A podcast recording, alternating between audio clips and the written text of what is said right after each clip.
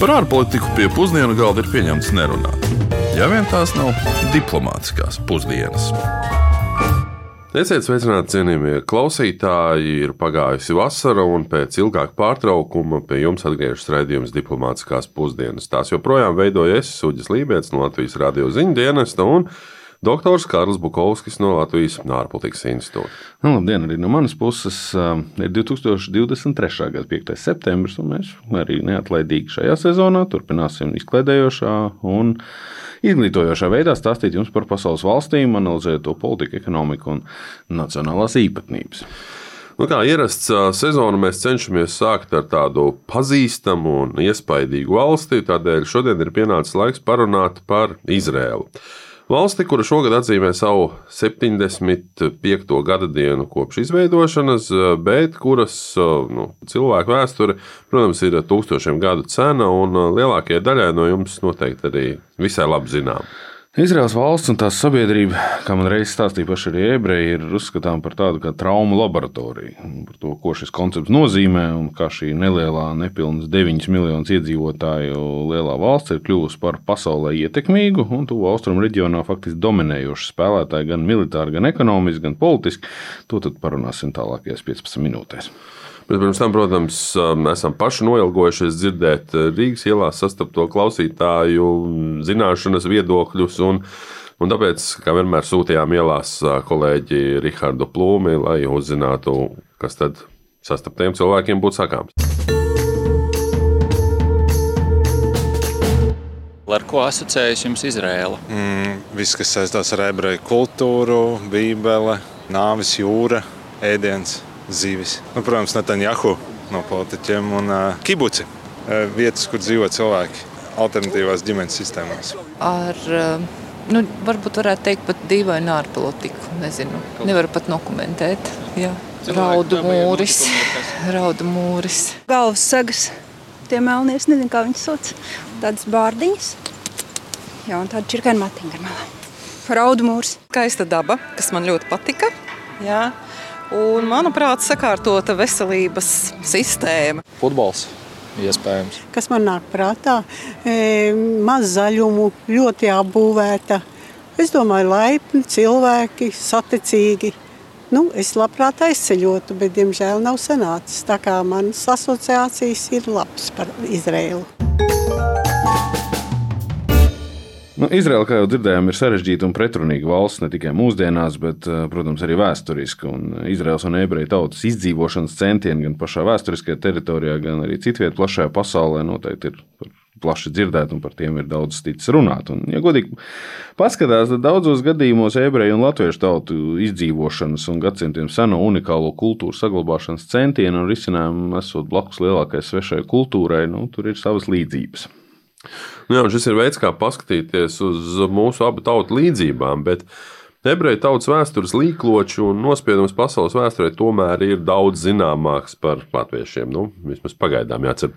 Ebreju un jūdejas vēstures aizsākumi tagadējās Izraēlas teritorijā tiek datēti aptuveni ar otro gadu tūkstoti pirms mūsu ēras. Un, Mūsdienu Izraels teritorijas izsens ir bijušas tik daudzu varu un politisko procesu ietekmē. Nu, runa nav tikai par vēsturiskajām izrēliešu karalistēm, bet arī asīriešu, babiloniešu, persiešu, maķedoniešu, romiešu, osmaņu, turku un britu valdīšanas periodiem.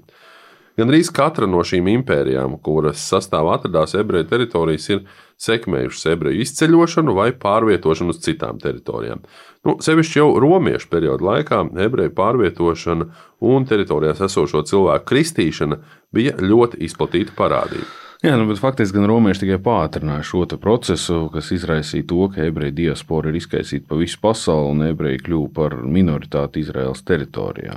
Šī vēsturiskā izdzīšanas trauma mījās ar daudzām traumām, ko ebreju minoritāte piedzīvoja gan viduslaikos, gan jaunajos laikos. Un atšķirīgā kultūra, reliģija, valodas lietojums, tradīcijas, ģērbšanās stils un daudz citu iemeslu bija kļuvuši par antisemītismu cēloņiem vairāk gadsimtu garumā visā Eiropā.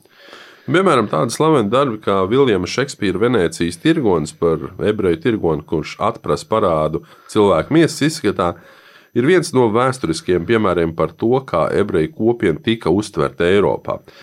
Ebreji gadsimtu gaitā tika vainoti mēra izraisīšanā, pret tiem īpaši vērsās Spāņu inkvizīcija. Krievijas impērijā bija izplatīti pogromi, un pret ebrejiem vērstu politiku turpināja arī Staļins un Padomju Savienība. Jā, viens no drausmīgākajiem mirkļiem un nesenajā vēsturē traumatiskākajai ebreju kopienai, gan, protams, bija visiem zināmā nacistu holokausta politika. Un, pret ebrejiem vērstais genocīds, kas ne tikai fiziski, bet arī emocionāli, acīm redzot, nu, drīkst izteikties, pazemoja ebreju tautas pašlepnumu, nevarēja neatstāt arī paliekošu iespēju arī mūsdienās. Un, turklāt uz visu pasauli. Jo, kā esam vairāk kārtīgi runājuši iepriekšējos raidījumos, nu, masveidīga vienas kopienas genocidāla iznīcināšana nav vēsturē nekas nepieredzēts un, diemžēl, ir bijusi novērojama pat pēdējo desmitgažu laikā. Vienlaicīgi tieši holokausta zvērības tā atspoguļojums un pastāvīgā vieta pasaules arī nu, modernajā kultūrā, tomēr ir bijusi svarīga tam, lai ne tikai pati masveida cilvēku iznīcināšana nebūtu uzskatāma vairs par pieņemamu un normālu politisko rīcību, bet arī faktori, vārdi, darbības, kas pie šī var novest, būtu izskaužami un nepieļaut.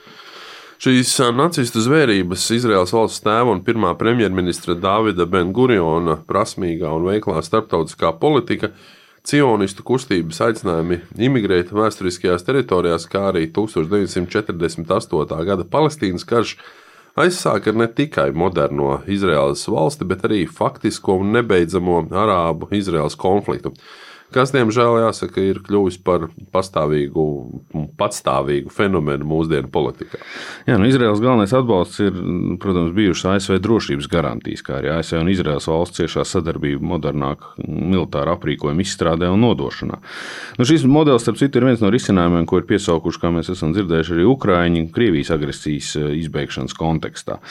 Um, ASV citu ir bijusi instrumentāla Izraels un Palestīnas pašpārvaldes attiecību virzīšanā un veidošanā.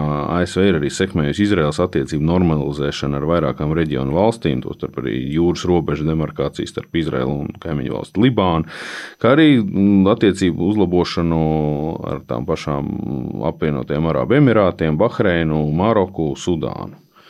Nu, vienlaikus gan daudzu pasaules valstu nosodījumu turpina izpelnīties Izraels politika pret Palestīnas pašpārvaldi.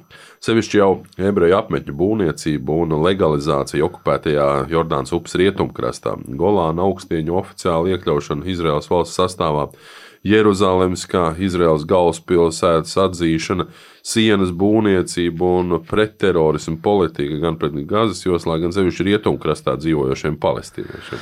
Nu, protams, ka arī Izraels centieni iegūt pilnīgu kontroli pār Jeruzalemes, ko pretendē arī palestīnieši, nepadara to austrumu mieru procesu iespējamāku. To ir ļoti, ļoti daudz atzinuši ne tikai palestīnieši.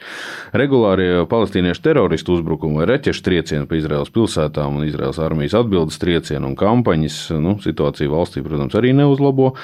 Un karš un konflikts, pašaizsardzība un riski, kas saistīti ar nu, dzīvošanu, uzbrukumu, draudu telpā, noteikti sekmē traumas Izraels neviendabīgajā sabiedrībā. Nu, konstants satraukums par iespējamu militāru uzbrukumu no kaimiņu valstīm, sevišķi Irānas sarežģītā diplomātiskā situācija attiecībās pret daudzām pasaules valstīm un cīņa par pašsaglabāšanos veicina. Acīm redzot, satraukumu, nedrošību un iespējams pat kaut ko tādu kā dabisku paranoju Izraels sabiedrībā. Tas ļauj ilgi pie varas noturēties arī Benjaminam Netanjahu. Bet tevis minētais par Izraēlas sarežģītajām diplomātiskajām attiecībām ar daudzām pasaules valstīm, nu, vienā pašā Eiropas Savienībā nav vienota skatījuma par to austrumu konfliktu risinājumiem. Dalībvalstīm ir atšķirīgi skatījumi, kas varēja gan no pro-izrēliešu uz pro-palestīniešu skatījumu. Tādēļ, lai šo kaut kā vairāk mēģinātu izprast, tad kādas ir attiecības starp Izraelu un Eiropu, to mēs vaicājām doktoram Emanuēlam Navonam, Helnet organizācijas Izraels biroja vadītājam un Telavivas universitātes lektoram. Historically, uh, Europe was in fact very much at the center of Israel's uh, diplomacy and foreign policy. Vēsturiski Eiropa patiesībā bija Izraēlas diplomātijas un ārpolitikas centrā. 1948. gadā, cīnoties par savu neatkarību, tā karoja ar Eiropas valsts piegādātiem ieročiem. Un šī valsts bija Čehoslovākija, ja dobrīt spēkā bija ASV ieroču embargo pret Izrēlu. 50. gados Izrēla parakstīja reparācijas vienošanos ar Rietumvācijas valdību, un tas bija kritiski svarīgi Izrēlas ekonomikai.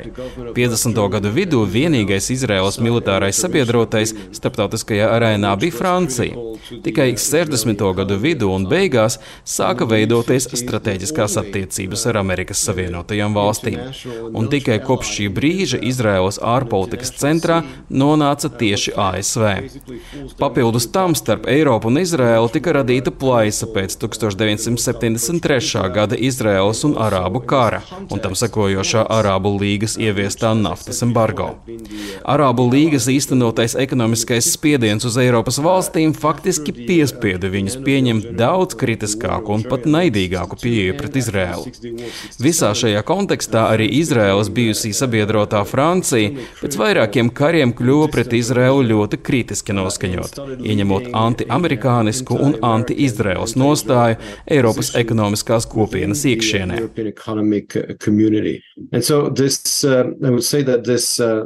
Es teiktu, ka šī plaisa tikai paplašinājās 70. un 80. gados, taču pēdējos gados, līdz ar Eiropas Savienības paplašināšanos, Izrēlai faktiski ir radusies iespēja spēlēties ar Eiropas valstu balsīm Eiropas Savienības ministru padomē. Turklāt Izrēla tagad ir kļuvusi arī ietekmīga globālā vara, kurai ir militārās spējas un zināšanas, kādas ir nepieciešamas Eiropā, lai aizsargātu sevi no Krievijas. Piemēram, pavisam nesen Vācija noslēdza 3,5 miljārdu vērtu līgumu ar Izraēlu par gaisa aizsardzības sistēmu iegādi. Papildus tam Izraēla šodien ir arī ietekmīga dabasgāzes ieguvēja un eksportētāja, un Eiropai tas ir nepieciešams, lai dažādotu gāzes piegādes. Tāpēc jāsaka, ka lietas un laiki mainās, un manuprāt, Eiropa atkal ir Izraēlas ārpolitikas pašā centrā. Europe is again a very central part of, uh, of Israel's foreign policy. Un visbeidzot, nedaudz jāpieskaras arī Izraēlas ekonomikai, kas dažu gadu desmitu laikā ir pārvērtusies par vienu no pasaules augsto tehnoloģiju centriem, un Izraēlā radītās tehnoloģijas ļoti plaši tiek izmantotas visā pasaulē. Tostur pieļauju, ka ļoti daudziem viena no šīm tehnoloģijām ir jūsu kabatā vai automašīnā, jo populārā lietotne veids arī ir nākusi no Izraēlas. Tāpat arī daudz, jo daudz komponentu mūsdienu datoros un telefonos ir nākuši no Izraēlas. Un pastāv uzskats, ka ASV kompānija IBM pirmais uh, Intel mikroprocessors arī tika uzbūvēts Haifā. Arī viena no vietām, kurā USB formāts tika izgudrots, tiek uzskatīta tieši nu, izrēliešu laboratorijas. Tehnoloģija attīstība un būšana par pirmatklājējiem nebūtu, nebūtu iespējama bez investīcijām un uzticēšanās zinātnē un izglītībai kā tādai. Nu, zināšanas un zināšanu iegūšanas izsenis ir bijusi viena no ebreju kultūras iezīmēm, kas acīm redzot ir sekmējusi daudzus gadījumus, kad ebreju izcelsmes cilvēki ir sasnieguši izcilību dažādās jomās. Nu, starp citu, neaizmirsīsim arī leģendām un sazvērstības teorijām teorijām apvīto 19. gadsimta ietekmīgāko banķieru dinastiju Eiropā, Rothschildu namu. Vēl šobrīd viņu finanšu inovācijas tiek izmantotas pasaules naudas tirgos, un vēl līdz šim brīdim Rothschildu ģimene tiek uzskatīta par bagātāko ģimeni cilvēces vēsturē. Un par ģimeni, kas kontrolē pasauli joprojām. Bet, kā jau te teicu, tā ir viena no sazvērstības teorijām. Mm, Bet par mūsdienu Izraels valsts bagātību, tomēr runājot, tad Izraels IKP uz vienu iedzīvotāju pēc pirktspējas paritātes ir nepilnīgi 46,000 eiro. Un pēc šiem pašiem Pasaules bankas datiem Latvijas rādītājs ir 37,000 eiro uz vienu cilvēku.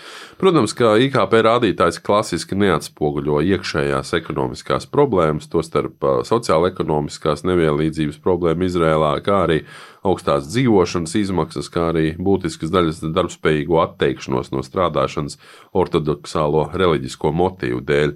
Nu, un darba spēka produktivitātes zemie līmeņi arī ir papildus izaicinājums visam šim. Un vienlaicīgi Izraels ekonomika ir bijusi spēcīga augoša, ko sekmē ne tikai ebreji, tos starp darbspējīgā vecuma imigrācijas turpināšanās uz Izraelu, nu, kā katru gadu vairāk nekā 70 tūkstoši cilvēku pārceļās uz Izraelu, bet arī gāzes iegula atrašana Izraels teritoriālajos ūdeņos un spēja radīt inovatīvus un pieprasītus produktus, un pats svarīgākais varbūt tās arī komercializēt izgudrojumus kopumā. Lai cik būtu paēdis, vienmēr ir vieta arī desertam. Deserta sadaļā mēs gribētu parunāt par vairākiem visnotaļ interesantiem faktiem. Un vispirms jau par to, ka nu, saskaņā ar leģendu, Izraels otrā prezidenta amats esot piedāvāts nevienam citam kā slavenajam fiziķim Albertam Einsteinam. Nu, viņš gan no šī goda, kā zināms, atteicās. Un cits vēsturisks politisks aspekts ir lingvista Elizīra Benjehūdas īstenotā ebreju valodas atjaunošana. Proti, mūsu jau pieminētās romiešu un citu iekarotāju veiktās ebreju izstumšanas no vēsturiskajām zemēm. Rezultātā ebreju valoda bija kļuvusi par faktiski mirušu valodu, kas bija atrodama vienā rakstībā un mazas cilvēku grupas lietojumā. Un 1880. gados Elizīrs Benjehūda izdomāja, ka sāks runāt ebreju valodā ar saviem draugiem. Nu, rezultātā viņi ne tikai atjaunoja un papildināja ebreju valodu ar moderniem terminiem, bet arī popularizēja tās lietošanu kā nākotnes Izraels valsts valodu. Un uh, nedaudz līdzīgs stāsts, starp citu, mūsu kronvalda datiem laikam. Turklāt vēl jāņem vērā, ka abi lingvisti ir visnotaļ netālu viens no otra dzimuši un dzīvojuši. Un atkal jau par modernām lietām runājot, Izraela pēc Business Insider aprēķiniem ir devītā dārgākā valsts pasaulē, kurā dzīvot. Īslanda ir pirmā. Un šis fakts par Izraelu nedaudz kontrastē ar to, ka valstī šogad dzīvojot tikai 17 miljardieri nu, no visiem pasaules 2755 indivīdiem, ko Forbes un Business Insider pieskaita šim pulciņam. Jā, nu, šī pasakaina bagātā fakta tad arī noslēdzam šo raidījumu. Un, ja reiz runājam par dārgākajām valstīm, kur dzīvot, nākamreiz runāsim jau par Lesoto, valsti, kur ir viena no lētākajām dzīvošanai un tur raksturīgo izvarošanas kultūru. Bet līdz tam, lai mierīga nedēļa! Šo raidījumu veidojām Esuģis Lībijams un dr. Kārls Bukovskis no Latvijas ārpolitikas institūta. Sadzirdēsimies jau pēc nedēļas Latvijas Rādio 1 ēterā, un mūsu raidījumu, kā vienmēr, varat klausīties arī visās straumēšanas vietnēs un Latvijas radio mobilajā lietotnē. Atā! Diplomātiskās pusdienas katru otrdienu pusdienos Latvijas Rādio 1.